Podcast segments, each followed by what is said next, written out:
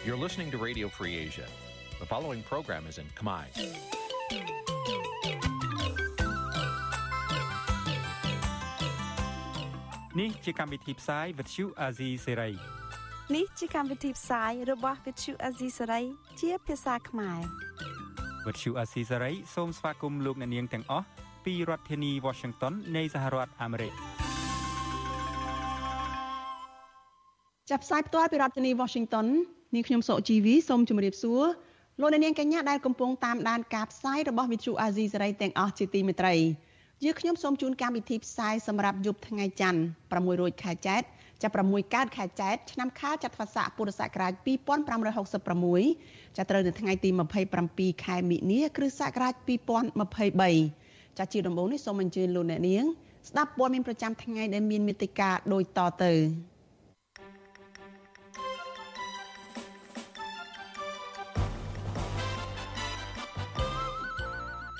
មន្ត្រីបកប្រឆាំងនិងអ្នកវិភាគថាដំណើរទស្សនកិច្ចរបស់លោកអាន់វ៉ាអ៊ីប្រាហ៊ីមនៅកម្ពុជានឹងផ្ដល់កម្លាំងចិត្តដល់អ្នកប្រជាធិបតេយ្យគ្រួសារអ្នកជាប់ឃុំរិះគន់មន្ត្រីពន្ធនាគារត្រពាំង plong ថាមិនអោយលោកគង់សំអានទៅព្យាបាលជំងឺនៅក្រៅពន្ធនាគារសកម្មជនការពារព្រៃឡង់ម្នាក់នៅខេត្តស្ទឹងត្រែងបារម្ភពីសវត្ថិភាពក្រោយពីអ្នកឈូសឆាយព្រៃគម្រាមសម្លាប់ ប្រជាពលរដ្ឋនៅរាជធានីភ្នំពេញមួយចំនួនត្អូញត្អែពីការខ្វះទឹកប្រើប្រាស់រួមទាំងព័ត៌មានសំខាន់សំខាន់មួយចំនួនទៀតចាជាបន្តទៅទៀតនេះនាងខ្ញុំសុជីវីសូមជូនព័ត៌មានទាំងនេះពិស្ដា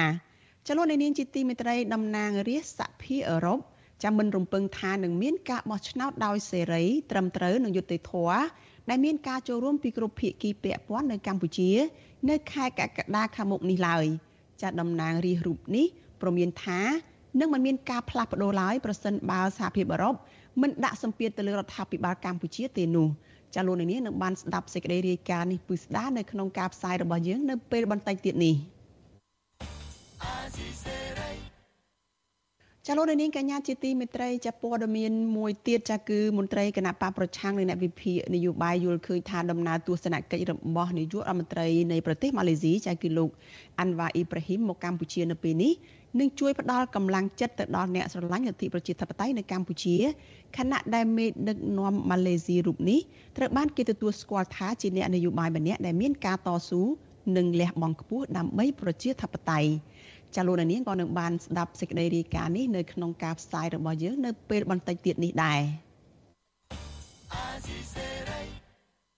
ចលនានាងជាទីមេត្រីយើងងាកទៅព័ត៌មានតកតងនឹងអ្នកជាប់ឃុំនៅឯពន្ធនាគារត្រពាំង plong ឯណោះ ចាក្រុមគ្រួសារ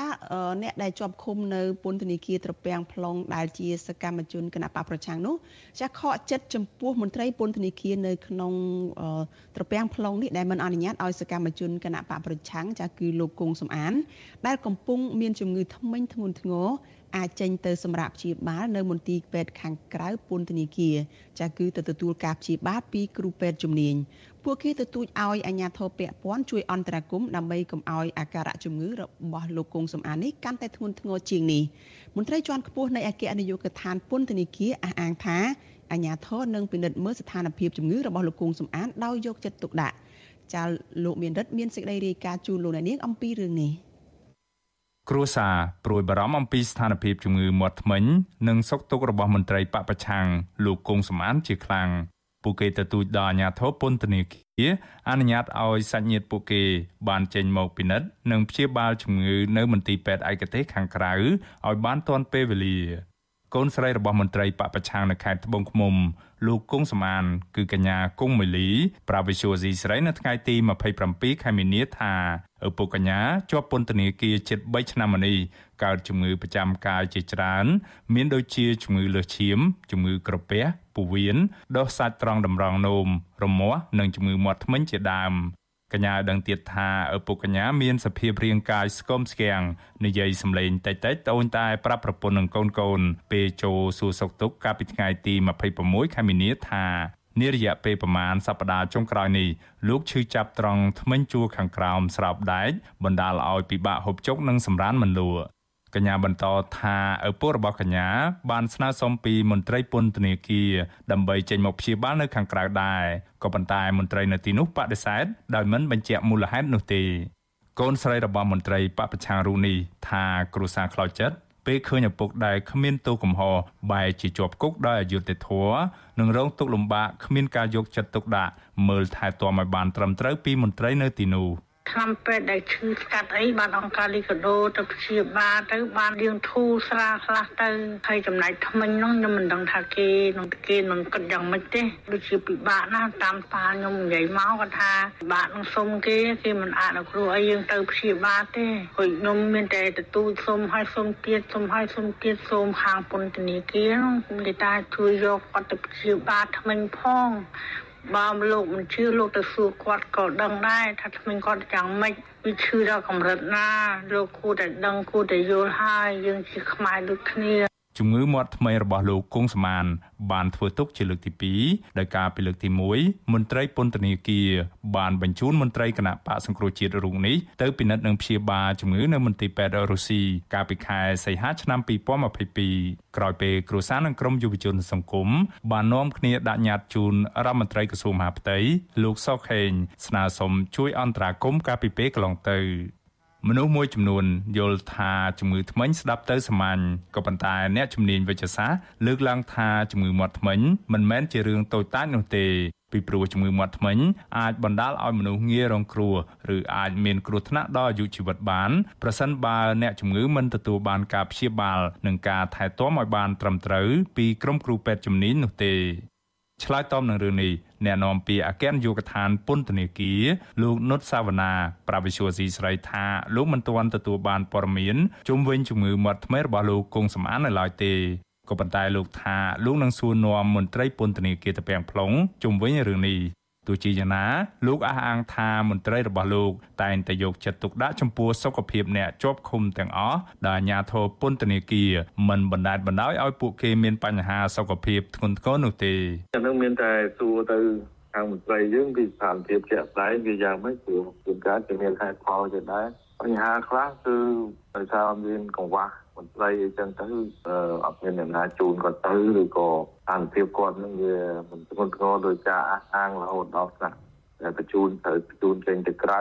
ប៉ុន្តែអានឹងយើងសួរមើលសិនវារឿងនឹងវាយ៉ាងម៉េច ទោះជាយ៉ាងណាការបញ្ជូនអ្នកជាប់ឃុំទៅព្យាបាលនៅមន្ទីរពេទ្យក្រៅពន្ធនាគារនេះសាធារណជននិងក្រុមអ្នកការពារសិទ្ធិមនុស្សតែងរិះគន់អាជ្ញាធរចំពោះការអនុវត្តស្តង់ដារ2មិនស្មើភាពគ្នារវាងអ្នកជាប់ឃុំដោយសារមូលហេតុនយោបាយនិងឧក្រិដ្ឋជនដែលបានប្រព្រឹត្តបទល្មើសធំធំហើយមានលុយមានអំណាច ចំណុចមិនស្មើភាពគ្នានោះគឺនៅត្រង់ថាក្រុមអ ுக ្រិតជនខ្លះទោះជាត្រូវតឡាការផ្ដន់ទាទោសដាក់ពន្ធនាគារពីបទឃាតកម្មឬបទជួញដូរគ្រឿងញៀនទ្រង់ទ្រាយធំយ៉ាងណាក៏ដោយក៏ពួកគេមិនបានជាប់ឃុំក្នុងពន្ធនាគារតាមអំណាចសារក្រមរបស់តឡាការដែរ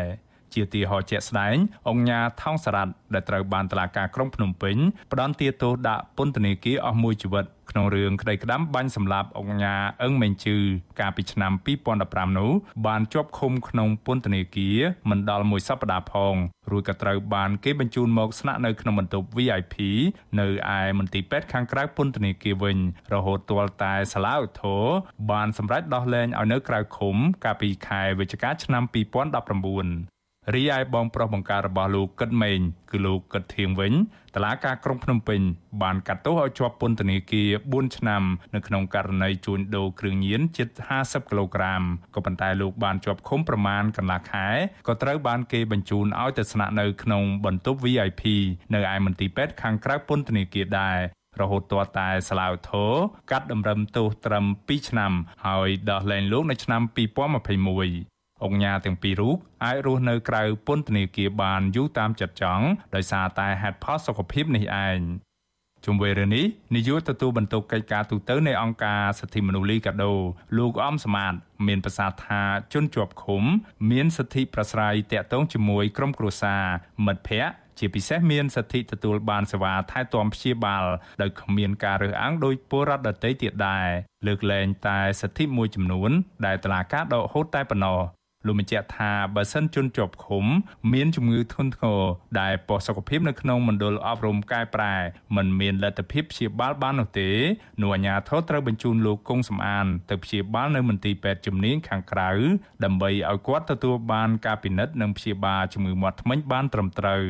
បញ្ហាជំងឺមិនថាធ្មេញផ្នែកតិចក៏វាអាចទៅជាបញ្ហាទាំងអស់ដែលប៉ះពាល់ទៅដល់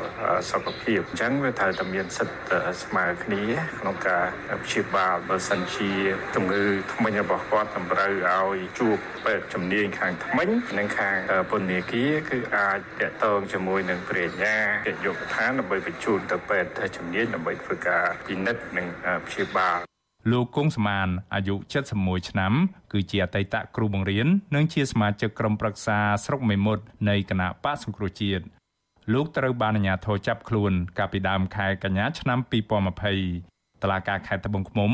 បានផ្តន្ទាទោសលោកឲ្យជាប់ពន្ធនាគាររយៈពេល7ឆ្នាំពីបទរួមគំនិតក្បត់ដោយសារតែលោកបានគាំទ្រសារនយោបាយរបស់ថ្នាក់ដឹកនាំគណៈបកប្រឆាំងនិងហូបនំបញ្ចុកជុំគ្នាជាមួយសមាជិកដទៃទៀតនៃគណៈបកសង្គ្រោះជាតិជាពិសេសលោកបានគាំទ្រដំណើរវិលត្រឡប់ចូលស្រុកវិញរបស់លោកសំរងស៊ីកាលពីខែវិច្ឆិកាឆ្នាំ2019 កាលពីដើមឆ្នាំ2022តឡាការកំពូលបានដំកល់សេចក្តីសម្រេចរបស់តឡាការជាន់ក្រោមដែលបានកាត់ទោសលោកគង់សំអានឲ្យជាប់ពន្ធនាគាររយៈពេល7ឆ្នាំហើយដែលត្រូវសហគមន៍ជាតិនិងអន្តរជាតិថាជាអ្នកទោសនយោបាយខ្ញុំបាទមេរិត Visual C ស្រីពីរដ្ឋធានី Washington កម្មវិធី Visual C ស្រីសម្រាប់ទូរស័ព្ទដៃ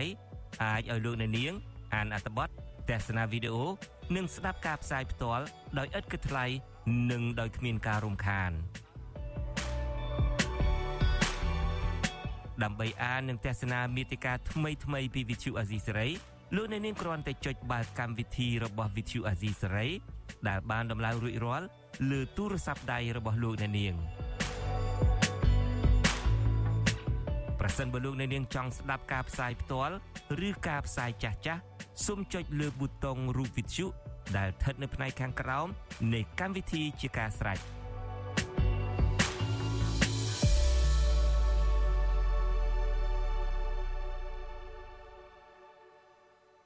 ចាលោកអ្នកនាងជាទីមេត្រីចាលោកអ្នកកំពុងតែតាមដានការផ្សាយរបស់វិទ្យុអាស៊ីសេរីចាផ្សាយចេញពីរដ្ឋធានី Washington សហរដ្ឋអាមេរិក ចាំមន្ត្រីគណៈបកប្រឆាំងនៅអ្នកវិភាគយល់ឃើញថាដំណើរទស្សនកិច្ចរបស់នាយករដ្ឋមន្ត្រីនៃប្រទេសម៉ាឡេស៊ីចែកគឺលោកអាន់វ៉ាអ៊ីប្រាហ៊ីមមកកម្ពុជានៅពេលនេះនឹងជួយផ្ដល់កម្លាំងចិត្តទៅដល់អ្នកស្រឡាញ់លទ្ធិប្រជាធិបតេយ្យនៅកម្ពុជាខណៈដែលមេដឹកនាំម៉ាឡេស៊ីរូបនេះត្រូវគេស្គាល់ថាគឺជាអ្នកនយោបាយម្នាក់ដែលមានការតស៊ូនិងលះបង់ខ្ពស់ដើម្បីលទ្ធិប្រជាធិបតេយ្យចាសសូមអញ្ជើញលោកអ្នកនាងរងចាំតាមដានសេចក្តីរាយការណ៍នេះនៅក្នុងការផ្សាយរបស់យើងនៅពេលបន្តិចទៀតនេះ។ចា លោកនាងជាទីមេត្រីចាយើងងាកមកព័ត៌មានតកតនឹងការត្អូញត្អែរបស់ពលរដ្ឋមួយចំនួនដែលកំពុងរស់នៅរាជធានីភ្នំពេញឯនេះវិញចាប្រជាពលរដ្ឋរស់នៅក្នុងរាជធានីភ្នំពេញចាគឺជាអ្នកដែលរស់នៅតាមតំបន់ជាជាក្រុងមួយចំនួនចានាំគ្នាត្អូញត្អែពីការខ្វះខាតទឹកប្រើប្រាស់រយៈពេលជិត2ខែមកហើយចាដែលធ្វើឲ្យពួកគាត់ពិបាកនៅក្នុងការរស់នៅ ចាពលរដ្ឋទាំងនោះស្នើឲ្យអាជ្ញាធរពាក់ព័ន្ធជួយដោះស្រាយបញ្ហាខ្វះទឹកនេះឲ្យបានឆាប់ជូនពួកគាត់ចាំមន្ត្រីសង្គមស៊ីវិលមើលឃើញថាបញ្ហានេះមិនពិបាកដោះស្រាយនោះទេប្រសិនបើអាជ្ញាធរពាក់ព័ន្ធប្រឹងប្រែងដោះស្រាយពីព្រោះកម្ពុជាមិនមែនជាប្រទេសដែលខ្វះខាតទឹកនោះឡើយចាប់ពីរដ្ឋធានី Washington លោកនៅវណ្ណរិនមានសេចក្តីរាយការណ៍អំពីរឿងនេះ ប្រជាពលរដ្ឋមួយចំនួនរស់នៅក្នុងរាជធានីភ្នំពេញអះអាងថាពួកគាត់អត់មានទឹកប្រើប្រាស់ជិត2ខែមកហើយដោយសារតែការផ្គត់ផ្គង់ទឹកមិនគ្រប់គ្រាន់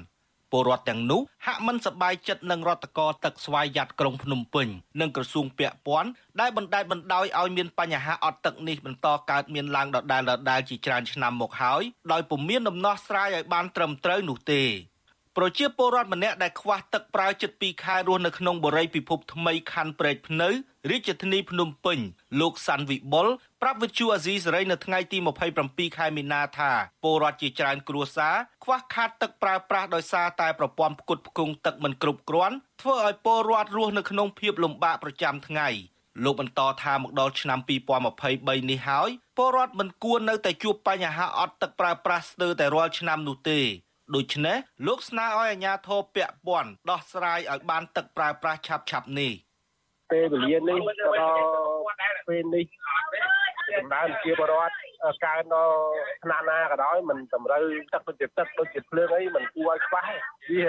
វាមានជាផលលំបាកទេគាត់ថាទឹកមួយហ្នឹងគាត់នៅខាងរដ្ឋរដ្ឋរដ្ឋកោបើគាត់ចង់គ្រប់គ្រងឲ្យគ្រប់គាត់ដឹងឲ្យគ្រប់ហើយតែមិនដឹងពីក្នុងឲ្យគាត់យ៉ាងម៉េចគាត់ចង់ឲ្យធ្វើឲ្យខ្វះខាតមិនខ្ញុំមិនដឹងទេថាសម័យនេះគឺមិនគួរវិច័យវិទ្យាសម័យឥឡូវចង់បានស្អីក៏បានទេតើតើនឹងបញ្ហាខ្វះទឹកប្រើប្រាស់របស់ពលរដ្ឋក្នុងរាជធានីភ្នំពេញរាប់ពាន់គ្រួសារនេះ ពលរដ្ឋរិះគន់ថាបណ្ដាមកពីក្រសួងពាក់ព័ន្ធទាំងនោះមិនអើពើដោះស្រាយបញ្ហាខណៈដែលការគ្រប់គ្រងប្រព័ន្ធទឹកវិញពុំមានផែនការត្រឹមត្រូវច្បាស់លាស់ប្រជាពលរដ្ឋអះអាងថាពួកគាត់ជួបការលំបាកជារៀងរាល់ឆ្នាំនៅពេលដែលរដូវប្រាំងមកដល់ម្ដងម្ដងតំបន់ដែលខ្វះទឹកប្រើប្រាស់រួមមានខណ្ឌព្រែកភ្នៅខណ្ឌសែនសុខខណ្ឌច្បារអំពៅខណ្ឌមានជ័យខណ្ឌឫស្សីកែវរាជធានីភ្នំពេញ និងក្រុងតាខ្មៅខេត្តកណ្ដាល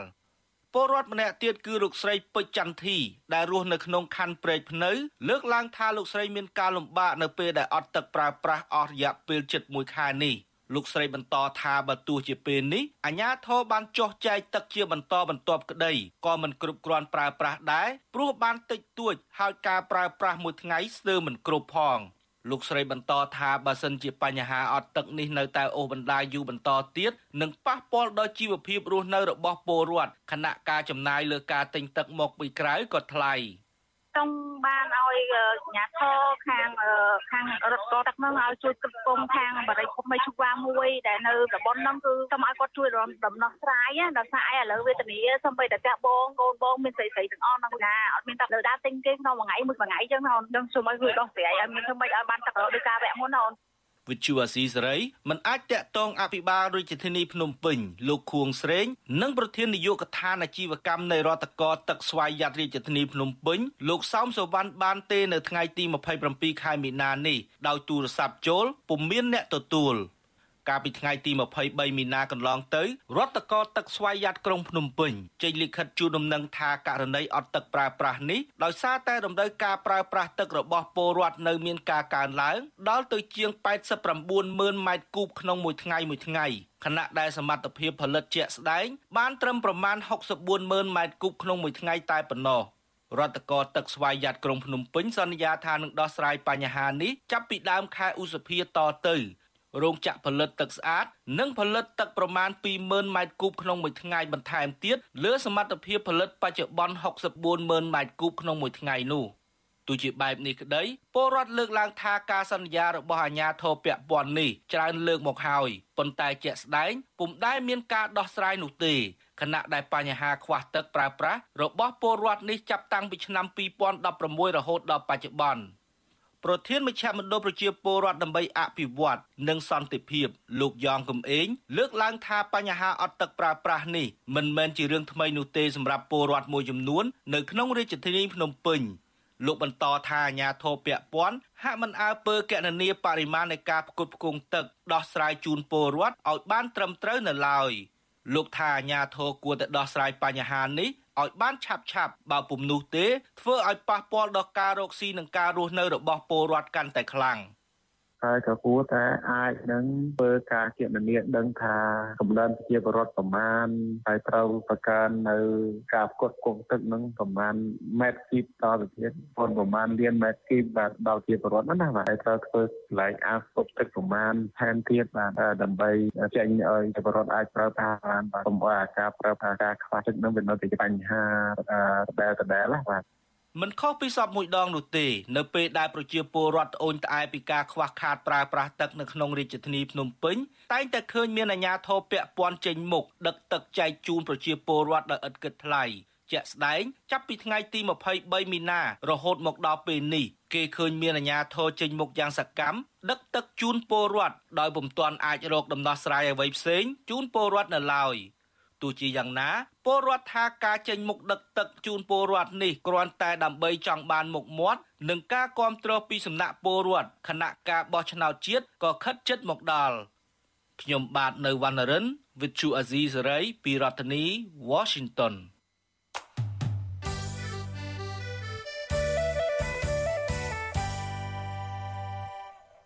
ចានៅថ្ងៃនេះយើងមកស្វែងយល់អំពីគណៈកម្មាធិការជាតិរៀបចំការបោះឆ្នោត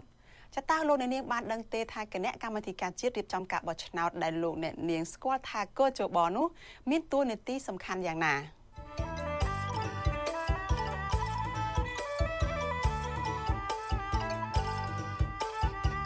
ចាជំរាបសួរលោកអ្នកជាទីមេត្រីចាជួបជាមួយនឹងខ្ញុំសុជីវីសាជាថ្មីម្ដងទៀតចានៅក្នុងការស្វែងយល់ពីការបោះឆ្នោតចានៅថ្ងៃនេះយើងមកស្វែងយល់អំពីគណៈកម្មាធិការជាតិរៀបចំការបោះឆ្នោត ចតើលោកអ្នកនាងបានដឹងទេថាគណៈកម្មាធិការជាតិរៀបចំការបោះឆ្នោតដែលលោកអ្នកនាងស្គាល់ថាកោជបនោះមានតួនាទីសំខាន់យ៉ាងណា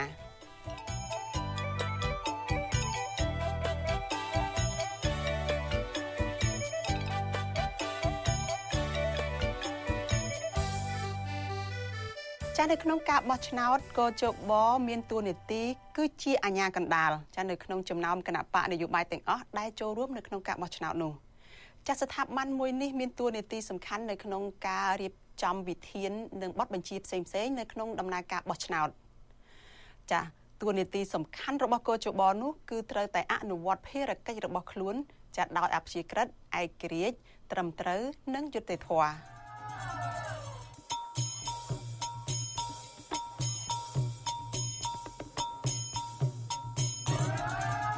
នាទីសំខាន់មួយទៀតរបស់កោជបនោះគឺការដោះស្រាយវិវាទនៅក្រៅការបោះឆ្នោត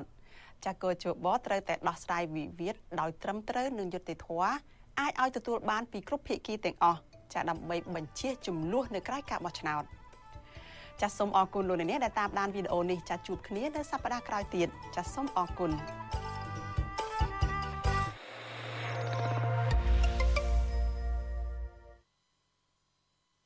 ចាលោកនាងកញ្ញាជាទីមេត្រីចាយើងងាកទៅព័ត៌មាននៅឯខេត្តស្ទឹងត្រែងឯណោះចាំមានករណីគម្រាមកំហែងសកម្មជនព្រៃឈើនៅទីនោះសកម្មជនការពារព្រៃឡង់ម្នាក់ដែលជាជនជាដើមភៀតតិចគួយនៅឯខេត្តស្ទឹងត្រែងចាគឺលោកអុកម៉ៅកំពុងព្រួយបារម្ភពីសវត្ថិភាពផ្ទាល់ខ្លួននិងក្រុមគ្រួសាររបស់លោកក្រោយពីមានជនមិនស្គាល់មុខលួចដុតផ្ទះនិងគំរាមកំហែងសម្លាប់លោក។ ចាអ្នកការពារប្រៃឡង់រូបនេះចាត់ទុកទង្វើនេះថាជាសញ្ញាគម្រាមកំហែងថ្មីមួយទៀតដើម្បីតាមលងបន្លាចស្មារតីរបស់ពលរដ្ឋដែលក្លាហានហ៊ានការពារប្រៃឈើនិងលាតត្រដាងអំពីបទល្មើសប្រៃឈើទៅកាន់ប្រព័ន្ធផ្សព្វផ្សាយនានាសកម្មជនប្រៃឡង់រស់នៅក្នុងរស់នៅក្នុងឃុំអន្លង់ភេស្រុកថាឡាបរិវត្តគឺលោកអុកម៉ៅលោកកំពុងស្វះស្វែងរកកិច្ចអន្តរាគមន៍ទៅសមត្ថកិច្ចមូលដ្ឋាន និងមន្ត្រីសង្គមស៊ីវិលក្រោយពីមានជនមិនស្គាល់មុខ ចាលួចដុតផ្ទះរបស់លោក កាលពីយប់ថ្ងៃទី24ខែមិនិនាបណ្ដាលឲ្យឆេះផ្ទះមួយចំហៀងឆេះម៉ូតូមួយគ្រឿងនិងសម្ភារៈមួយចំនួនទៀតលោកយល់ថាពលរដ្ឋណាដែលស្រឡាញ់ព្រៃឈើលះបង់ពេលវេលានិងធនធានដើម្បីការពារព្រៃឈើនេះ មិនមែនត្រឹមតែគ្មានការលើកទឹកចិត្តពីសំណាក់អាជ្ញាធរនោះឡើយតែផ្ទុយទៅវិញពួកគាត់តែងតែជួបបញ្ហាជាច្រើនរួមមានការប្រើអំពើហិង្សាជាប់បណ្ដឹងនៅតុលាការនិងការកោះហៅពីសំណាក់អាជ្ញាធរជាដើមសកម្មជនការពារប្រៃឡង់រូបនេះបន្ថែមថាលោកបានដាក់ពាក្យប្តឹងករណីនេះទៅប៉ុស្តិ៍នគរបាលឃុំអន្លង់ភេរួចហើយដើម្បីជួយរកយុត្តិធម៌តែមកដល់ពេលនេះសមត្ថកិច្ចនៅមិនទាន់រកឃើញជនដៃដល់នោះនៅឡើយទេ លោកថាកាលពីថ្ងៃទី19ខែមិនិនាចាំមានជនមិនស្គាល់មុខម្នាក់បានទូរស័ព្ទមកលោកហើយគម្រាមនិយាយចង់សម្លាប់រូបលោក និងគម្រាមដុតផ្ទះរបស់លោកចោលថែមទៀត។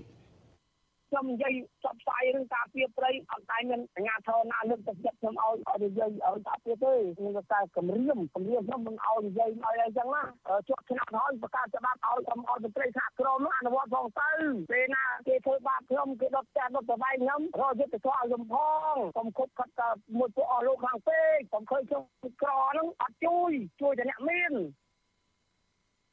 ចាស់លោកអុកម៉ៅបន្ថែមថាលោកមានសង្ឃឹមតិចណាស់ដែលសមត្ថកិច្ចនឹងរកយុត្តិធម៌ករណីនេះព្រោះកន្លងទៅមនុស្សមួយក្រុមបានប្រើហិង្សាមកលើរូបលោក ដែលបណ្ដាលឲ្យលោកសន្លប់បាត់ស្មារតីក៏មិនឃើញមានសមត្ថកិច្ចចាប់ខ្លួនជនដៃដល់មកផ្ដន់ទាទោសនោះនៅឡើយដែរលោកគិតថាឈ្មួញខលខូចនឹងអាញាធរខ្លះមិនសប្បាយចិត្តនឹងទង្វើរបស់លោក ដែលតែងតែរិះគន់អាញាធរថាមិនបានទប់ស្កាត់បទល្មើសព្រៃឈើនិងការឈូសឆាយព្រៃឡង់ជាទ្រង់ទ្រាយធំ។ លោកថាមកដល់ពេលបច្ចុប្បន្ននេះមានគ្រឿងចាក់ជាច្រើនគ្រឿងកំពុងតែឈូសឆាយបំផ្លាញកំទេចព្រៃឡង់ជាច្រើនទីតាំងផ្សេងផ្សេងគ្នា នៅក្នុងឃុំអន្លង់ភេនិងឃុំអន្លង់ជ្រៃហើយមិនឃើញមន្ត្រីជំនាញចុះបង្ក្រាបនោះនៅឡើយទេ ចំពោះខ្ញុំធ្លាប់និយាយរឿងប្រៃឈើគឺស្អប់ខ្ញុំខ្លាំងណាស់ខ្ញុំទៅបីខ្ញុំទៅប្តឹងគេទៅគេទៅអើពើប្រហែលទេអូខ្ញុំនិយាយការពារប្រៃហ្នឹងខ្ញុំមិនមែនយកទៅអីខ្ញុំទេខ្ញុំការពារដើម្បីឲ្យថ្នាក់ដឹកនាំគាត់ជួយគ្រប់គ្រងប៉ុណ្្នឹងទេអត់មានថាការពារឲ្យយកខ្លួនឯងទេតែហ្នឹងខ្ញុំយកទៅមិននោះចាវិទ្យុអាស៊ីសេរីនៅមិនទាន់អាចតាក់ទងសុំការបំភ្លឺរឿងនេះពីស្នងការខេត្តស្ទឹងត្រែងលោកអួតស៊ីវថា បាននៅឡើយទេនៅថ្ងៃទី7 27ខែមីនានេះចំណែកអធិការស្រុកថាឡាបរិវត្តចាលោកសែមស៊ីថានិងមន្ត្រីមន្ទីរបរិស្ថានខេត្តស្ទឹងត្រែងគឺលោកស្រេងជាហេងក៏វិទ្យុអាស៊ីសេរីមិនអាចតាក់ទងបានដែរដែលនៅថ្ងៃដដែលនេះហើយដោយសារតែទូរស័ព្ទហៅចូលប៉ុន្តែពុំមានអ្នកលើកចាក៏ប៉ុន្តែមន្ត្រីឬក៏មេប៉ុស្តិ៍នៅឯឃុំអន្លង់ភេចាគឺលោកឈួនឈិតលោកប្រាប់វិទ្យុអាស៊ីសេរីយ៉ាងខ្លីថា លោកបានទទួលពាក្យបណ្ដឹងករណីនេះហើយហើយកំពុងស៊ើបអង្កេតរកជនដៃដល់ចាលោកបដិសេធឆ្លើយសំណួរផ្សេងទៀតព្រោះលោកកំពុងជាប់រវល់នៅស្នងការខេត្តចានៅរយៈពេលជិត10ឆ្នាំចុងក្រោយនេះក្រោយពីជនជាតិដើមភាគតិចគួយគឺលោកអុកម៉ៅបានស្ម័គ្រចិត្តការពារព្រៃបង្ហាញពីអ ுக ្រិតកម្មព្រៃឈើទៅប្រព័ន្ធផ្សព្វផ្សាយនិងរិះគន់អាជ្ញាធរថាមិនបានអនុវត្តច្បាប់ព្រៃឈើអាជ្ញាធរនឹងឈ្មួញ តែងតែធ្វើទុកបុកម្នេញទៅលើរូបលោកជាបន្តបន្ទាប់សមត្ថកិច្ចខេត្តស្ទឹងត្រែងក៏ធ្លាប់ក៏ហៅលោកទៅសួរនាំរឿងផ្ដាល់សម្ភារក្រៅប្រព័ន្ធផ្សព្វផ្សាយទៅឲ្យប្រព័ន្ធផ្សព្វផ្សាយដើម្បីជាការដើម្បីគម្រាមកំហែងឲ្យលោកធ្វើមិនដឹងមិនលឺអំពីបញ្ហាប្រៃឈើហើយកាលពីឆ្នាំមុន មានមនុស្សមួយក្រុមបានព្រួតគ្នាវាយធ្វើបាបលោករហូតដល់សន្លប់បណ្ដាលឲ្យលោកបាត់ខ្សែកមាសមួយខ្សែដែលមានតម្លៃជាង1000ដុល្លារនោះថែមទៀត ចារីឯមន្ត្រីបរិស្ថានម្នាក់ទៀតដែលជាសហការីនៃប្រធានមន្ត្រីបរិស្ថានខេត្តស្ទឹងត្រែងលោកស្រេងជាហេងនោះក៏បានប្តឹងលោកម៉ៅទៅតុលាការដោយបានប្រើល្បិចទម្លាក់កំហុសទៅលើទៅលើរូបលោកថាបានកាប់បំផ្លាញព្រៃឡង់ទាំងគ្មានភ័ស្តុតាងរឹងមាំហើយមកដល់ពេលនេះតុលាការក៏បានបិទការស៊ើបអង្កេតឲ្យដែរតែនៅមិនទាន់មានការសម្រេចយ៉ាងណានៅឡើយទេជុំវិញរឿងនេះមន្ត្រីពង្រឹងសិទ្ធិអំណាចសហគមន៍មូលដ្ឋាននៃសមាគមអាត6លោកប៉ែនប៊ុនណា លោកយល់ថាអាញាធរមានសមត្ថកិច្ចមានកាតព្វកិច្ចការពារសវត្ថិភាពពលរដ្ឋហើយត្រូវស៊ើបអង្កេតរកជនបង្កមកផ្ដន្ទាទោសតាមច្បាប់លោកសង្កេតឃើញថាពលរដ្ឋណាដែលលះបង់ការពារព្រៃឈើហាក់រស់នៅខ្វះភាពកក់ក្ដៅពីសំណាក់អាជ្ញាធរមានសមត្ថកិច្ចដែលមានតួនាទីបម្រើពួកគាត់។ អ្នកដែលសកម្មក្នុងការពីធនធានធម្មជាតិព្រៃឈើបែរជាទទួលទុកទោសពីសកម្មភាពរបស់ខ្លួនវិញហើយអាជ្ញាធរមិនចាត់វិធានការថែមទៀតគាត់ត្រូវតែត្រូវតែទៀមទាត្រូវតែបង្ហាញនៅទុកកង្វល់របស់គាត់ហ្នឹងទៅអាជ្ញាធរតាក់លើថែមទៀតឬមួយក៏ឆ្លងតាមគុំស៊ីវិលឬក៏អង្គការក្រៅរដ្ឋាភិបាលដើម្បីជួយគាត់ ចាមន្ត្រីសង្គមស៊ីវិលរូបនេះបន្ថែមថាប្រៃឈើនៅតែបន្តរងគ្រោះដរាបណាអាជ្ញាធរមានសមត្ថកិច្ចមិនលើកទឹកចិត្តពលរដ្ឋឲ្យចូលរួមការព្រាការពារប្រៃឈើទាំងអស់គ្នាមកដល់ពេលនេះប្រៃឡង់ស្ថិតនៅក្នុងអំឃុំអន្លង់ភេឃុំកាំងចាម និងឃុំអន្លង់ជ្រៃនៅចំណុចភូមិមននិងភូមិពោវិលនៅតែបន្តទទួលរងការកាប់ឈូសឆាយជាទ្រង់ទ្រាយធំជាង2ឆ្នាំមកហើយហើយមិនឃើញឆ្មាំអភិរក្សរបស់ក្រសួងបរិស្ថានទៅរារាំងនោះឡើយ។ ចារីឯសកម្មភាពកាប់ផ្ដួលរំលំដើមឈើមានតម្លៃដឹកតាមគោយន្តចេញមកក្រៅព្រៃឡង់នៅតែបន្តកើតមានដដែលដដែលដែលធ្វើឲ្យប៉ះពាល់ទៅដល់ជំរកសត្វព្រៃប្រភពទឹកអូរធម្មជាតិនិងកន្លែងអាស្រ័យផលព្រៃឈើរបស់ជនជាតិដើមភាគតិចគួយនៅទីនោះ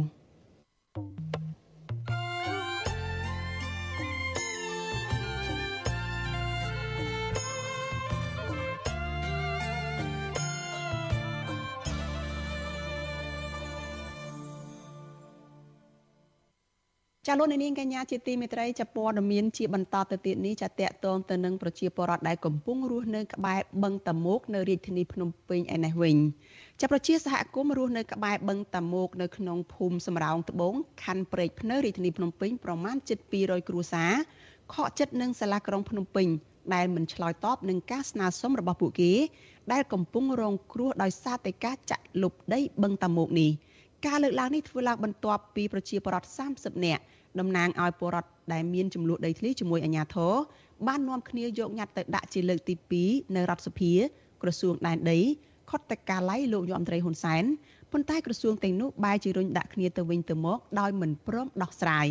ចាលោកទីនសការីយ៉ារាយការណ៍អំពីរឿងនេះបើទោះបីជាមានការឆ្លើយតបពីក្រសួងដែនដីនគររូបនីយកម្មនិងសំណង់និងរដ្ឋសភាយ៉ាងណាក៏ដោយក៏បរដ្ឋនៅបឹងតមោកមិនពេញចិត្តចំពោះការឆ្លើយតបនេះដែរ ពីព្រោះក្រសួងដែនដីទទួលស្គាល់ថាសហគមន៍សំរោងត្បូងពិតជាមានចំនួនដីធ្លីពិតប្រាកដមែនប៉ុន្តែបែរជាមិនដោះស្រាយហើយបញ្ជូនសំណុំរឿងនេះទៅសាលាក្រុងរាជធានីភ្នំពេញជាអ្នកសម្រេចទៅវិញតំណាងបរដ្ឋនៅបឹងតមោកគឺលោកស្រីប្រាក់ប្រាប់វិទ្យុអាស៊ីសេរីនៅថ្ងៃទី27មីនាថាក្រោយពីក្រសួងដែនដីនិងរដ្ឋសភាបានឆ្លើយតបមកបរដ្ឋធ្វើឲ្យប្រជាពលរដ្ឋមានភាពកក់ក្ដៅបន្តិចប៉ុន្តែលោកស្រីនៅតែភ័យខ្លាចអាជ្ញាធរមិនដេញចេញដដែល ដោយសារតែសាលាក្រុងមិនទាន់ដោះស្រាយឬជូនដំណឹងពីការកាត់ជ្រៀលដីចំនួន5ហិកតានោះជូនបរដ្ឋនៅឡើយ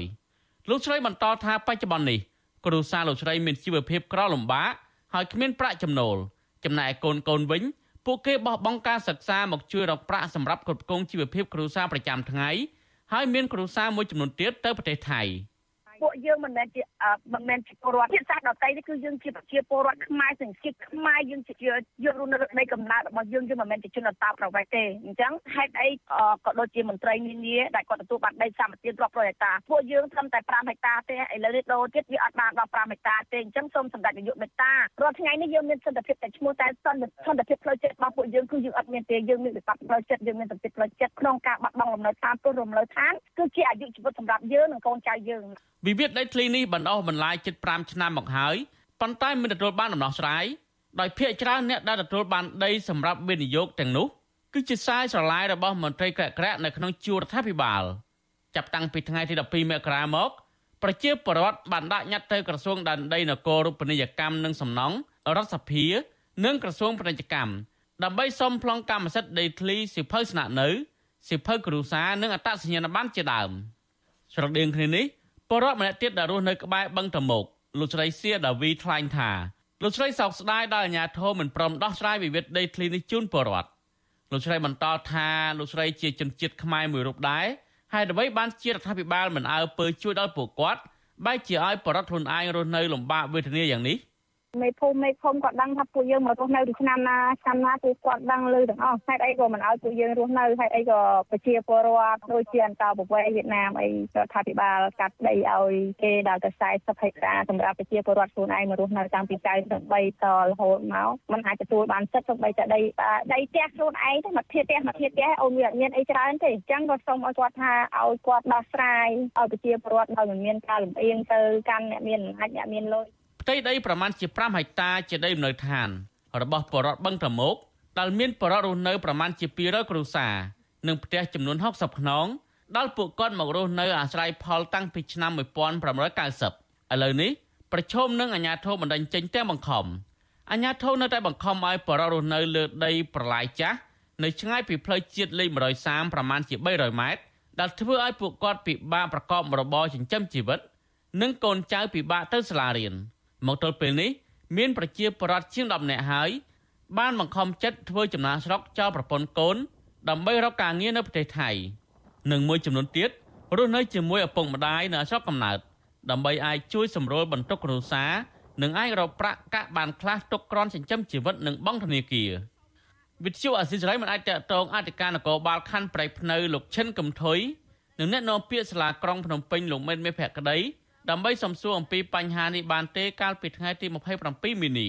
ជំវិញនឹងរឿងនេះដែរមន្ត្រីសម្របសម្រួលគម្រោងធុរកិច្ចនិងសិទ្ធិមនុស្សរបស់មជ្ឈមណ្ឌលសិទ្ធិមនុស្សកម្ពុជាលោកវ៉ាន់សុផាត មានប្រសាសន៍ថាករណីចំនួនដីធ្លីនេះមន្ត្រីពាក់ព័ន្ធទាំងអស់គួរតែពន្លឿនដោះស្រាយដើម្បីឲ្យបរដ្ឋអាចរស់នៅដោយមិនភ័យខ្លាចនិងអាចមានពេលគ្រប់គ្រាន់ក្នុងការចេញទៅប្រកបរបរចិញ្ចឹមជីវិត តកតទៅនេះខ្ញុំដល់អនុសាសន៍ប្រមុខរាជរដ្ឋាភិបាលចាត់ចែងបស្តាយបទាងជាអាជ្ញាធរមូលដ្ឋានក៏ដូចជាស្ថាប័នផ្សេងៗទៀតណាអញ្ចឹងសូមឲ្យនៅប្រមុខរដ្ឋាភិបាលហ្នឹងចាត់ចែងជាមួយក៏អន្តរាគមន៍ដោះស្រាយដោយតែករណីពុកយមដោយករណីទីមួយនៅខេត្តកណ្ដាលមានបញ្ហាជាមួយនឹងជំទាវដែលទីប្អូនសេសរបស់ប្រមុខរដ្ឋាភិបាលហ្នឹងសូមឲ្យមេត្តាចាប់អារម្មណ៍ជួយទៅអាហ្នឹងបានមានការបស្តាយបទាងដោះស្រាយបញ្ហាហ្នឹងរួចប្រជាពលរដ្ឋទាំងនេះមិនពេញចិត្តនឹងសាលាក្រុង ដែលមិនព្រមចេញបានស្នាក់នៅនិងបានកម្មសិទ្ធិដីធ្លីជូនពួកគាត់បរិយាចាត់ទុកទង្វើនេះថាជាករណីរើសអើងនិងប្រកាន់បកពួកលោកនាយករដ្ឋមន្ត្រីហ៊ុនសែនធ្លាប់លើកឡើងថាមន្ត្រីខលខូចខົບខិតគ្នាយកដីរដ្ឋនិងយកដីប្រជាពលរដ្ឋនឹងត្រូវទទួលទោសធ្ងន់ធ្ងរមិនអាចលើកលែងឲ្យបានឬអាចឈានដល់ការបណ្តេញចេញពីគណៈបកតែម្ដង គាត់ដាំដុះនៅកន្លែងហ្នឹងគាត់នៅកន្លែងហ្នឹងបកគលឲ្យគាត់ទៅខ្ញុំបាននិយាយរហូតដល់ប៉ុណ្ណេះនោះបើក្នុងគណៈបកខ្ញុំបាននិយាយថាដីហ្នឹងដីម៉ែលោកឯងហីបានបកាច់ខំទុកទៅអីមិនចែកឲ្យវិជាជនទៅយើងវាដូចជាហួសស្រឡាញ់ដីហួសដីម៉ែលោកឯងហីស្អីមិនកុំចែកឲ្យវិជាជនទៅទោះជាយ៉ាងណាលោកហ៊ុនសែននៅតែបន្តកាត់ជ្រៀលដីឲ្យឯកជន និងមន្ត្រីក្រាក់ក្រាក់ដែលស្និទ្ធជាមួយគ្រួសាររបស់លោកដដែលជាក់ស្ដែងកាលពីខែឧសភាឆ្នាំ2022 លោកសែនបានកាត់ដីបឹងតមោកទំហំ67ហិកតា ក្នុងខណ្ឌប្រែកភ្នៅ ទៅឲ្យលោកនុតតុនដែលជានាយកក្រុមហ៊ុន OKD Villa ក្រុមហ៊ុនអចលនទ្រព្យលក់បរិយផ្ទះល្វែង OKD Villa នេះត្រូវបានគេដឹងថាស្ថិតនៅក្រោមការគ្រប់គ្រងរបស់កូនស្រីបង្កើតលោកហ៊ុនសែនគឺអ្នកស្រីហ៊ុនម៉ាណាខណៈកូនស្រីម្នាក់ទៀតគឺអ្នកស្រីហ៊ុនម៉ាលី មានភាគហ៊ុននៅក្នុងក្រុមហ៊ុននេះដែរគិតត្រឹមឆ្នាំ2018 ដល់ឆ្នាំ2021យ៉ាងហោចណាស់មានផ្ទៃដីជាង2000ហិកតាត្រូវបានរដ្ឋាភិបាលលហ៊ុនសែនកាត់ជ្រៀលឬដោះដូរទៅឲ្យស្ថាប័នរដ្ឋក្រុមហ៊ុនឯកជនបុគ្គលឯកជនមួយចំនួន ដែលបរដ្ឋដឹងថាជាអ្នកមានលុយមានអំណាចដើម្បីឲ្យពួកគេកសាងអគារបរិយវីឡាខុនដូនិងធ្វើជាកម្មសិទ្ធិឯកជនជាដើមខ្ញុំធីនសាការីយ៉ាអសិលសេរីប្រធានីវ៉ាស៊ីនតោនចាលោកនាងជាទីមេត្រីតំណាងរាស្ត្រ សហភាពអឺរ៉ុបមិនរំពឹងថាមានការបោះឆ្នោតដោយសេរីត្រឹមត្រូវនិងយុត្តិធម៌ដោយមានការចូលរួមពីគ្រប់ភាគីពាក់ព័ន្ធនៅកម្ពុជានាខែកក្កដាខាងមុខនេះឡើយតំណាងរាស្ត្ររុស្នេះប្រមានថានឹងមាននឹងមិនមានការផ្លាស់ប្ដូរឡើយប្រសិនបើសហភាពអឺរ៉ុបមិនដាក់សម្ពាធទៅលើរដ្ឋាភិបាលកម្ពុជាទេនោះចាសសូមអញ្ជើញលោកអ្នកនាងរងចាំស្ដាប់សេចក្តីរាយការណ៍នេះនៅក្នុងការផ្សាយរបស់យើងនៅពេលបន្តិចទៀតនេះ។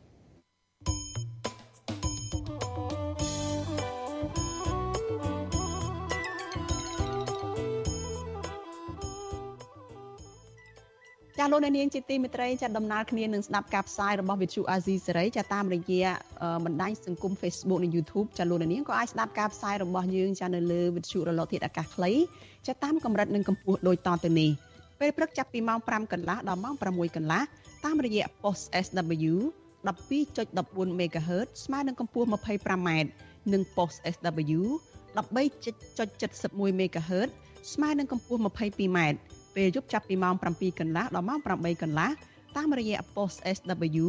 9.89 MHz ស្មើនឹងកម្ពស់ 31m post SW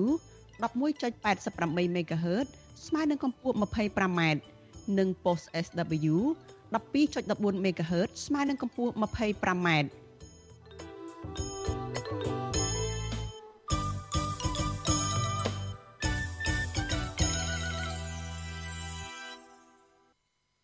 ចាលោកនាងកញ្ញាជាទីមេត្រីលោកអ្នកកំពុងតែស្ដាប់ការផ្សាយរបស់វិទ្យុអាស៊ីសេរីចាព័ត៌មានជាបន្តទៅទៀតនេះចាតកតងទៅនឹងការអួតអាងរបស់លោកយមត្រីហ៊ុនសែនពីការរីកចម្រើនផ្នែកកសិកម្មនៅកម្ពុជាវិញម្ដងចាលោកយមត្រីហ៊ុនសែនអះអាងថាវិស័យកសិកម្មមានការរីកចម្រើននៅក្រោមការដឹកនាំរបស់លោកទន្ទឹមនឹងនេះលោកក៏បានណែនាំឲ្យមន្ត្រីបង្កើនការយកចិត្តទុកដាក់ជួយបច្ចេកទេសដាំដុះនិងរកទីផ្សារឲ្យកសិករថែមទៀត។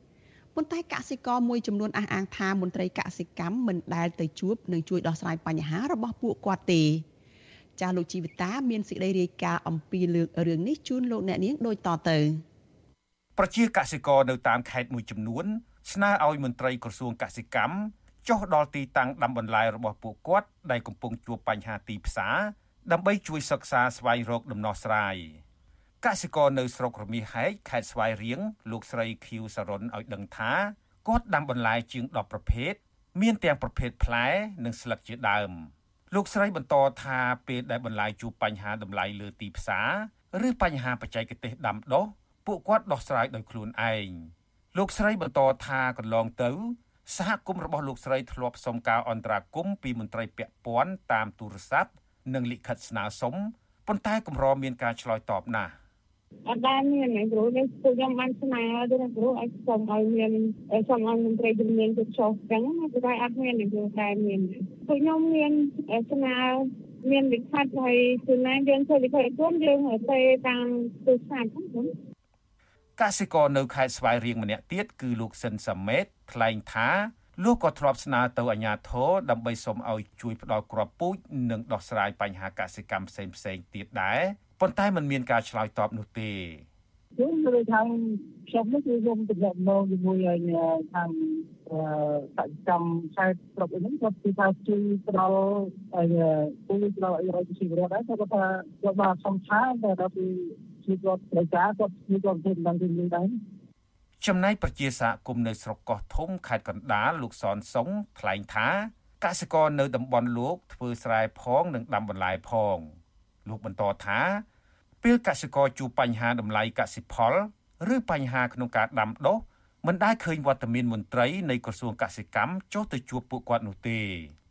អត់អត់សុទ្ធណាក្រសួងហ្នឹងគួយតាមនៅបរោហ្នឹងគ្មានប្រយោជន៍ទេនិយាយហ្មងថាគ្មានហ្មងទាំងធនធានទឹកស្រុកក៏ធំមិនប្រជាជនអត់ទឹកបូមម្ដងស្នប់គ្រប់គ្នាបានធ្វើវល់តែខាបវល់តែអីហ្នឹងដោយសារអញ្ចឹងអា អត់មានទឹកបូមណាធ្វើមិនធ្វើទៅតែចឹងហើយធ្វើការនៅ10រោហើយជីវៈថារដ្ឋហើយដល់ចឹងប្រជាជនវាអត់អស់ជំនឿហ្មងនិយាយចប់បន្លែធ្លាក់ចុះតម្លៃស្ទើរគ្រប់មុខដូចជាត្រសក់និងត្រប់ស្រួយ ក្នុង1គីឡូក្រាម200រៀលហើយការទិញនោះទៀតសោតក៏មានចំនួនតិចតួចវិទ្យុអាស៊ីសេរីបានតាក់ទងអ្នកនាំពាក្យក្រសួងកសិកម្មកញ្ញាអឹមរចនាដើម្បីសាកសួរជុំវិញបញ្ហានេះ ប៉ុន្តែកញ្ញាប្រាប់ថាជាប់រវល់ប្រជុំនៅក្នុងពិធីបិទសន្និបាតក្រសួងកសិកម្មកាលពីថ្ងៃទី24មីនាលោកនាយករដ្ឋមន្ត្រីហ៊ុនសែនបានណែនាំដល់មន្ត្រីនៅក្រសួងស្ថាប័នពាក់ព័ន្ធឲ្យជួយដល់កសិករទាំងផ្នែកដាំដុះនិងទីផ្សារការអភិវឌ្ឍកសិកម្មត្រូវតែមានផែនការច្បាស់លាស់ដែលឆ្លើយតបទៅនឹងតម្រូវការទីផ្សារជាក់ស្ដែងក្រសួងពាណិជ្ជកម្មត្រូវជួយវាយតម្លៃជាប្រចាំនៅតម្រូវការទីផ្សារនិងសហការ សម្របសម្រួលទីផ្សារសម្រាប់កសិផលទាំងក្នុងនិងក្រៅប្រទេសទោះជាយ៉ាងណាក៏ដោយចុះអ្នកជំនាញកសិកម្មលោកនីណាពន្យល់ថាបញ្ហាធំរបស់កសិករដែលស្ថាប័នពាក់ព័ន្ធត្រូវដោះស្រាយនោះគឺថ្លៃដើមផលិតលោកបន្តថាថ្លៃដើមផលិតខ្ពស់ធ្វើឲ្យកសិករខាតបង់និងប្រកួតប្រជែងចាញ់ប្រទេសជិតខាងប្រជាពលរដ្ឋយើងនេះគាត់ចំណាយថ្លៃដើមមកវាខ្ពស់ដល់ពេលលក់ទៅវាអត់អាចរួចខ្លួននឹងចំណាយថ្លៃដើមអញ្ចឹងដើម្បីឲ្យកាត់ចំណាយថ្លៃដើមបានវាតតែមានការចូលរួមពីពាក់ព័ន្ធដូចជាមន្ត្រីក្រសួងកសិកម្មខាង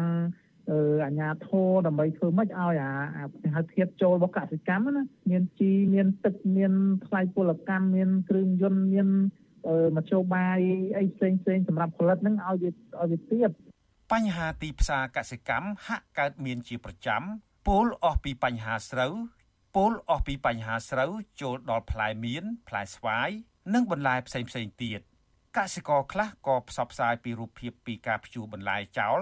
កសិករខ្លះទៀតបង្ហាញរូបភាពចាក់ផ្លែស្វាយឬចាក់ត្រសក់ចោល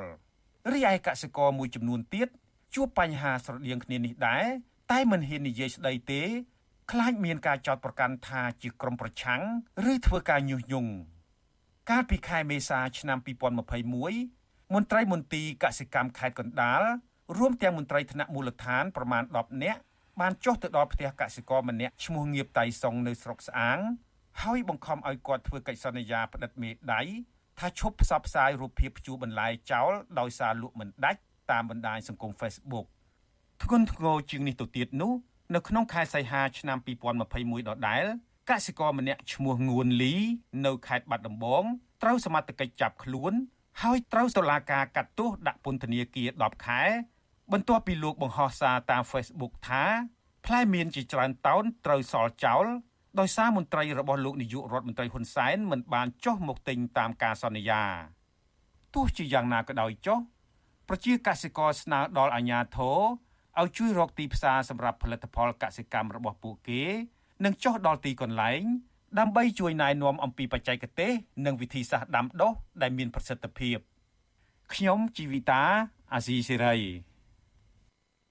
ចាលោកនាងកញ្ញាជាទីមេត្រីចាព័ត៌មានជាបន្តទៅទៀតនេះចាគឺជាសេចក្តីរាយការណ៍របស់លោកទីនសការីយ៉ាចាតកតងនឹងមន្ត្រីគណៈបកប្រឆាំងនិងអ្នកវិភាគយល់ឃើញថា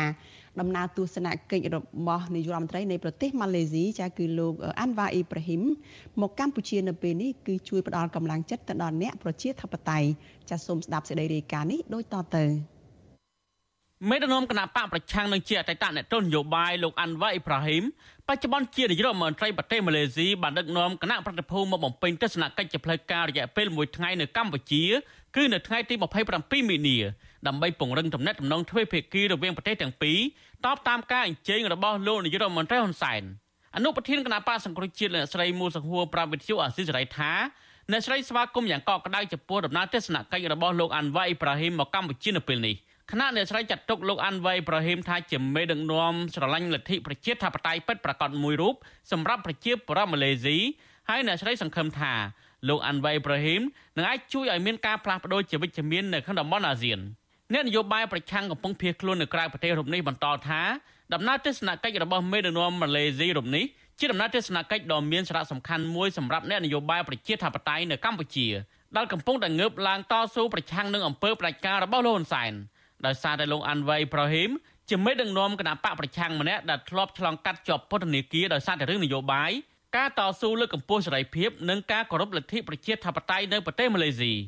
អ្នកស្រីមូសុកហួរបន្ថែមថាលោកអាន់វ៉ៃប្រហ៊ីមនឹងមិនទុកចោលការជំរុញឲ្យមានការគោរពសិទ្ធិមនុស្សនៅក្នុងតំបន់អាស៊ាននោះឡើយខណៈបញ្ហាសិទ្ធិមនុស្សគឺជារឿងសកលនោះ ជាការលើកទឹកចិត្តឲ្យយើងជាអ្នកស្រឡាញ់សេរីភាពយើងស្រឡាញ់ប្រជាធិបតេយ្យយើងត្រូវតែទុកថាជាសញ្ញានៃពន្លឺពន្លឺ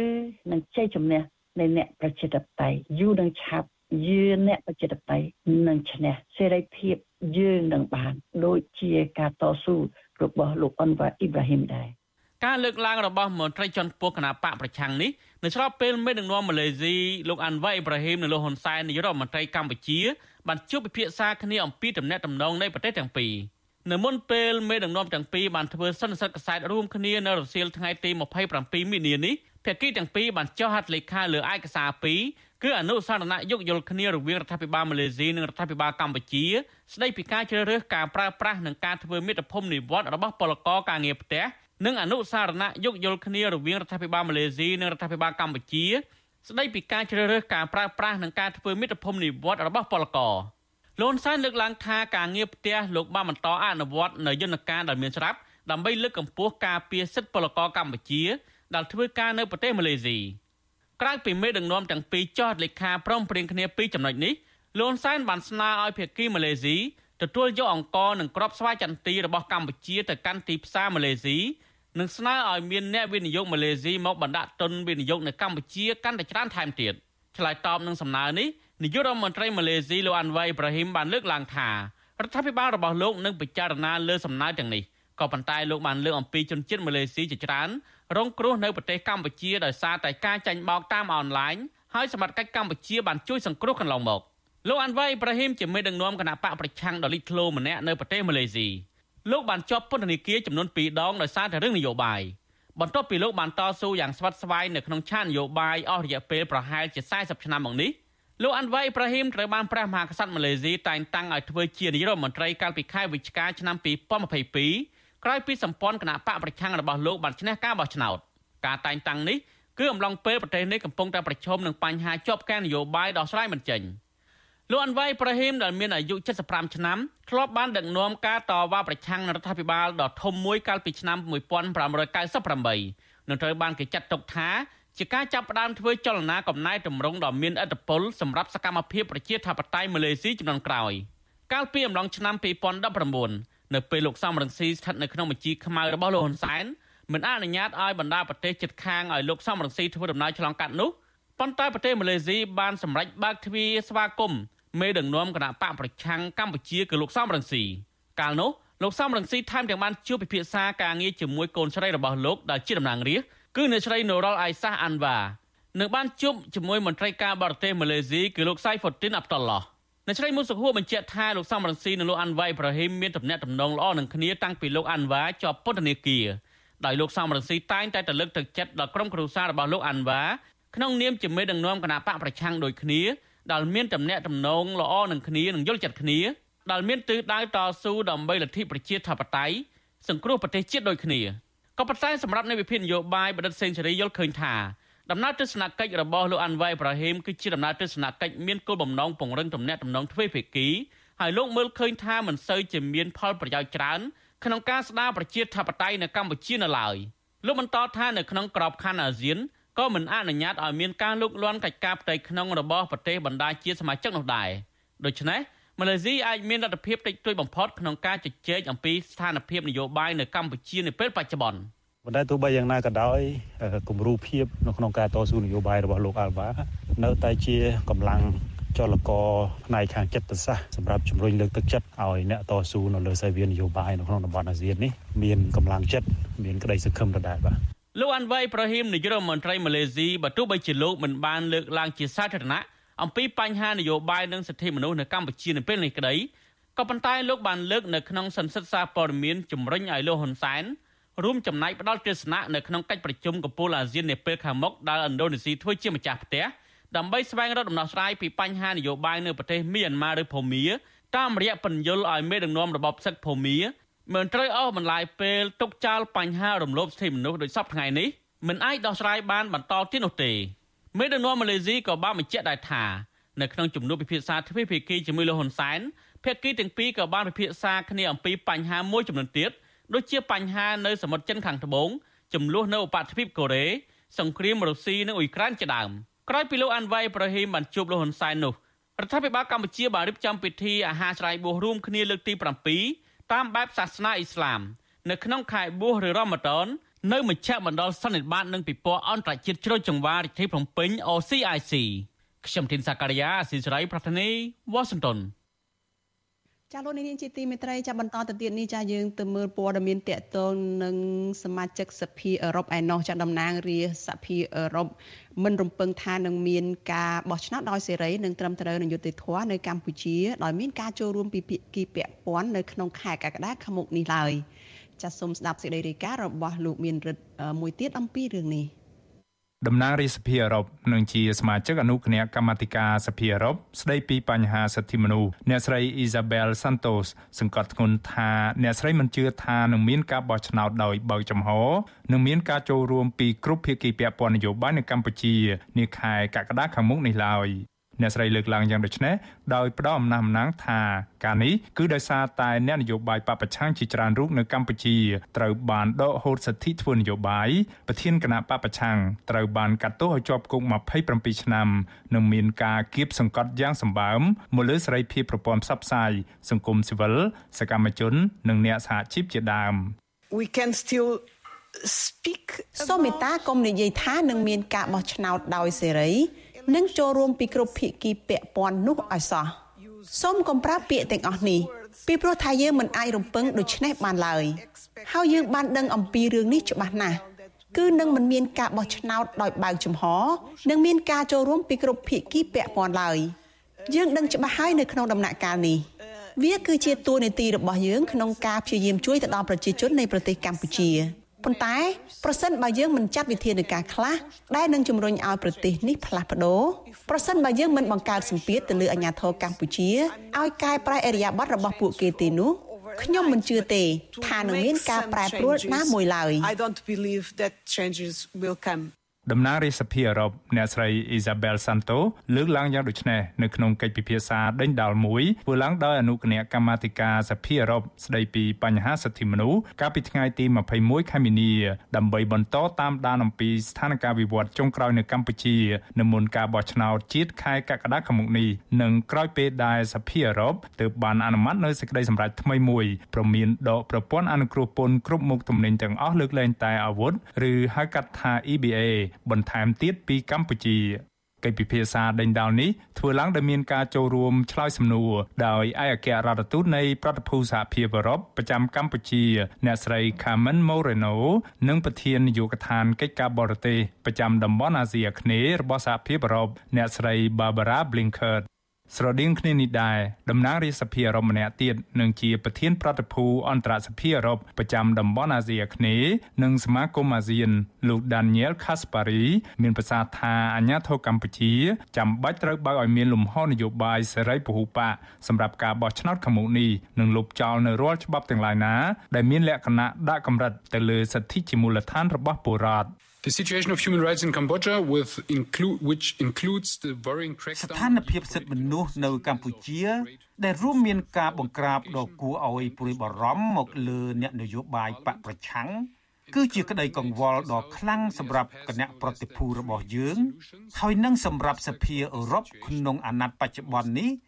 ដោយដែលយើងទាំងអស់គ្នាដឹងស្រាប់ហើយ សភារបស់យើងបានអនុម័តសេចក្តីសម្រេចមិនតិចជាង3ដងឡើយជុំវិញទស្សនវិជ្ជាផ្សេងៗគ្នានៃស្ថានភាពនៅកម្ពុជាសេចក្តីសម្រេចចុងក្រោយ គឺយើងទើបបានអនុម័តកាលពីសប្តាហ៍កន្លងទៅ នៅទីក្រុងស្ត្រាសប៊ួរក្នុងរយៈពេលប្រមាណឆ្នាំចុងក្រោយនេះយើងបានឃើញការធ្លាក់ចុះដុនដាបនៃស្ថានភាពសិទ្ធិមនុស្សនៅកម្ពុជា ហើយតាមទស្សនៈរបស់ខ្ញុំ យើងក៏បានឃើញនៅអំពើបំផិតបំភ័យផ្នែកនយោបាយដែលចេះតែកើនឡើងជាលំដាប់ទៅលើក្រុមអ្នកប្រឆាំងនិងសង្គមស៊ីវិលពាក់ព័ន្ធនឹងការបោះឆ្នោតថ្ងៃទី23ខែកក្កដាខាងមុខនេះនៅកម្ពុជា បាទជាការសំខាន់ណាស់ដែលអាជ្ញាធរកម្ពុជានឹងចាំបាច់ត្រូវបើកឲ្យមាននៅលំហសេរីពហុបកការគោរពសិទ្ធិមនុស្សការគោរពនីតិរដ្ឋនិងលទ្ធិប្រជាធិបតេយ្យ នឹងចាំបាច់ត្រូវលុបចោលរាល់ច្បាប់ទាំងឡាយណា ដែលមានលក្ខណៈដាក់កម្រិតមកលើសិទ្ធិជាមូលដ្ឋានរបស់ពលរដ្ឋហើយដែលផ្ទុយទៅនឹងកាតព្វកិច្ចនិងស្តង់ដារអន្តរជាតិ and which are contrary to the country's international obligations and standards. ក្រៅពីការលើកឡើងទាំងនេះតំណាងរាជសភាអឺរ៉ុបម្នាក់ទៀតនិងជាសមាជិកគណៈកម្មាធិការសភាអឺរ៉ុបទទួលបន្ទុកពាណិជ្ជកម្មអន្តរជាតិអ្នកស្រី Heidi Othala បានសម្ដែងការភ្ញាក់ផ្អើលដែលក្រុមមេដឹកនាំកម្ពុជាមិនត្រឹមតែបានរឹតបន្តឹងមកលើប្រព័ន្ធផ្សព្វផ្សាយឯករាជ្យប៉ុណ្ណោះទេតែថែមទាំងបានផ្សព្វផ្សាយនៅព័ត៌មានមិនពិតទៀតផង ជាស្ដែងអ្នកស្រីបានលើកយកករណីកាសែតខ្មែរ Times ដែលបានផ្សព្វផ្សាយព័ត៌មានមិនពិតថាសហភាពអឺរ៉ុបមានផែនការបញ្ជូនអ្នកសង្កេតការណ៍មកចូលរួមក្លំមើលដំណើរការបោះឆ្នោតនាកម្ពុជានាពេលខាងមុខនោះឆ្លើយតបទៅនឹងករណីនេះប្រធាននាយកដ្ឋានកិច្ចការបរទេសប្រចាំតំបន់អាស៊ីអាគ្នេយ៍របស់សហភាពអឺរ៉ុបអ្នកស្រី Barbara Blinkerts បញ្ជាក់ចំហយ៉ាងច្បាស់ថា កិនមកទល់ពេលនេះសហភាពអឺរ៉ុបនៅមិនទាន់សម្រេចចិត្តបញ្ជូនអ្នកសង្កេតការណ៍របស់ខ្លួនឲ្យមកឃ្លាំមើលដំណើរការបោះឆ្នោតនៅកម្ពុជានៅឡើយទេអ្នកស្រីមានប្រសាសន៍ថាការនេះគឺដោយសារតែផ្អែកតាមការវាតម្លៃរបស់សហភាពអឺរ៉ុបកម្ពុជាមិនទាន់បានអនុវត្តនៅលក្ខខណ្ឌនានាដើម្បីធានាឲ្យមាននូវការបោះឆ្នោតមួយដែលមានលក្ខណៈអំណោយផលធានាដំណាភាពការចូលរួមពីគ្រប់ភាគីពាក់ព័ន្ធនិងគួរឲ្យជឿទុកចិត្តបាននៅឡើយទេ ដោយឡែកឆ្លើយតបទៅនឹងសំណួរពីតំណាងរាជសភាអឺរ៉ុបមួយចំនួនដែលចោទសួរថាតើសហភាពអឺរ៉ុបគួរចាត់វិធានការបែបណាទៀតមកលើកម្ពុជាក្រៅពីការដកប្រព័ន្ធអនុគ្រោះពន្ធ EBA 20%នោះឯអគ្គរដ្ឋទូតនៃប្រតិភូសហភាពអឺរ៉ុបប្រចាំកម្ពុជា អ្នកស្រី Carmen Moreno មានប្រសាសន៍ថាជារឿងពិបាកនៅក្នុងការគិតគូរអំពីវិធានការបន្ទាប់ទៀតក្នុងពេលដែលនៅពុំទាន់មានការវិតម្លៃជាក់លាក់ណាមួយអំពីផលប៉ះពាល់នៃការដកប្រព័ន្ធអនុគ្រោះពន្ធ EBA 20%ពីកម្ពុជា កាលពីពេលកន្លងទៅអ្នកស្រីមានប្រសាសន៍ថាទន្ទឹមនឹងនេះគេក៏ត្រូវគិតគូរដែរថានៅឆ្នាំ2027ខាងមុខនេះកម្ពុជានឹងចាក់ចេញពីក្រុមប្រទេសដែលមានការអភិវឌ្ឍតិចតួចហើយក្លាយជាប្រទេសមានសេដ្ឋកិច្ចចំណូលមធ្យមដែលក្នុងករណីនេះអ្នកស្រីថាប្រព័ន្ធអនុគ្រោះពន្ធ EBA នឹងមិនអនុវត្តចំពោះប្រទេសកម្ពុជាទៀតទេ បន្ថែមលើការបកស្រាយនេះប្រធាននាយកដ្ឋានកិច្ចការបរទេសប្រចាំតំបន់អាស៊ីអាគ្នេយ៍របស់សហភាពអឺរ៉ុបអ្នកស្រី Barbara Blinker គូបញ្ជាក់ថាជាការសំខាន់ដែលសហភាពអឺរ៉ុបនៅតែបន្តពិគ្រោះយោបល់ជាមួយរដ្ឋាភិបាលកម្ពុជាដោយដែលសហភាពអឺរ៉ុបបានធ្វើយ៉ាងសកម្មជាពិសេសកាលពីឆ្នាំកន្លងទៅ នៅក្នុងពេលដែលកម្ពុជាធ្វើជាប្រធានបដូវវេនអាស៊ានឆ្នាំ2022 អ្នកស្រីគូបញ្ជាក់ថាតាមរយៈយន្តការនៃកិច្ចពិគ្រោះយោបល់នេះសហភាពអឺរ៉ុបមានឱកាសលើកឡើងពីបញ្ហាកង្វល់នានា ដែលសហភាពអឺរ៉ុបចាត់ទុកថាជាបរិយាកាសមិនអំណោយផល ក្នុងគោលដៅដើម្បីកែប្រែឲ្យមានការបោះឆ្នោតមួយ ដែលមានការចូលរួមពីគ្រប់ភាគីពាក់ព័ន្ធនិងគួរឲ្យជឿទុកចិត្តបាន ក្នុងនោះក៏រួមមានទាំងបញ្ហាកង្វះឯករាជ្យនិងអព្យាក្រឹតរបស់គណៈកម្មាធិការជាតិរៀបចំការបោះឆ្នោតការរដ្ឋបិទលំហសង្គមស៊ីវិលនិងការផាត់ចោលគណៈបញ្ញយោបាយជាដើម កាលពីថ្ងៃទី16ខែមីនាសភាអឺរ៉ុបបានអនុម័តជាផ្លូវការនៅសេចក្តីសម្រេចថ្មីមួយព្រមានដកប្រព័ន្ធអនុគ្រោះពន្ធគ្រប់មុខទំនិញទាំងអស់លើកលែងតែអាវុធហៅកាត់ថា EBA ពីកម្ពុជាប្រសិនបើការបោះឆ្នោតជាតិខែកក្កដាខាងមុខនេះប្រព្រឹត្តទៅមិនស្របតាមស្តង់ដារអន្តរជាតិឬប្រសិនបើនៅតែមានការបន្តរំលោភសិទ្ធិមនុស្ស ក្រៅពីប្រមានដកប្រព័ន្ធអនុគ្រោះពន្ធ EBA ពីកម្ពុជាបន្ថែមទៀតនោះសភាអឺរ៉ុបក៏ជំរុញឲ្យក្រុមប្រឹក្សាអឺរ៉ុបអនុវត្តការដាក់ទណ្ឌកម្មជាក់លាក់មកលើបុគ្គលកម្ពុជាទាំងឡាយណាដែលពាក់ព័ន្ធនឹងអំពើរំលោភសិទ្ធិមនុស្សធ្ងន់ធ្ងរឬពាក់ព័ន្ធនឹងការរំលាយនិងការរដ្ឋបិទជាបន្តបន្ទាប់មកលើក្រុមអ្នកប្រឆាំងនៅកម្ពុជាផងដែរខ្ញុំបានមេរិត Visual C ស្រីពីរដ្ឋធានី Washington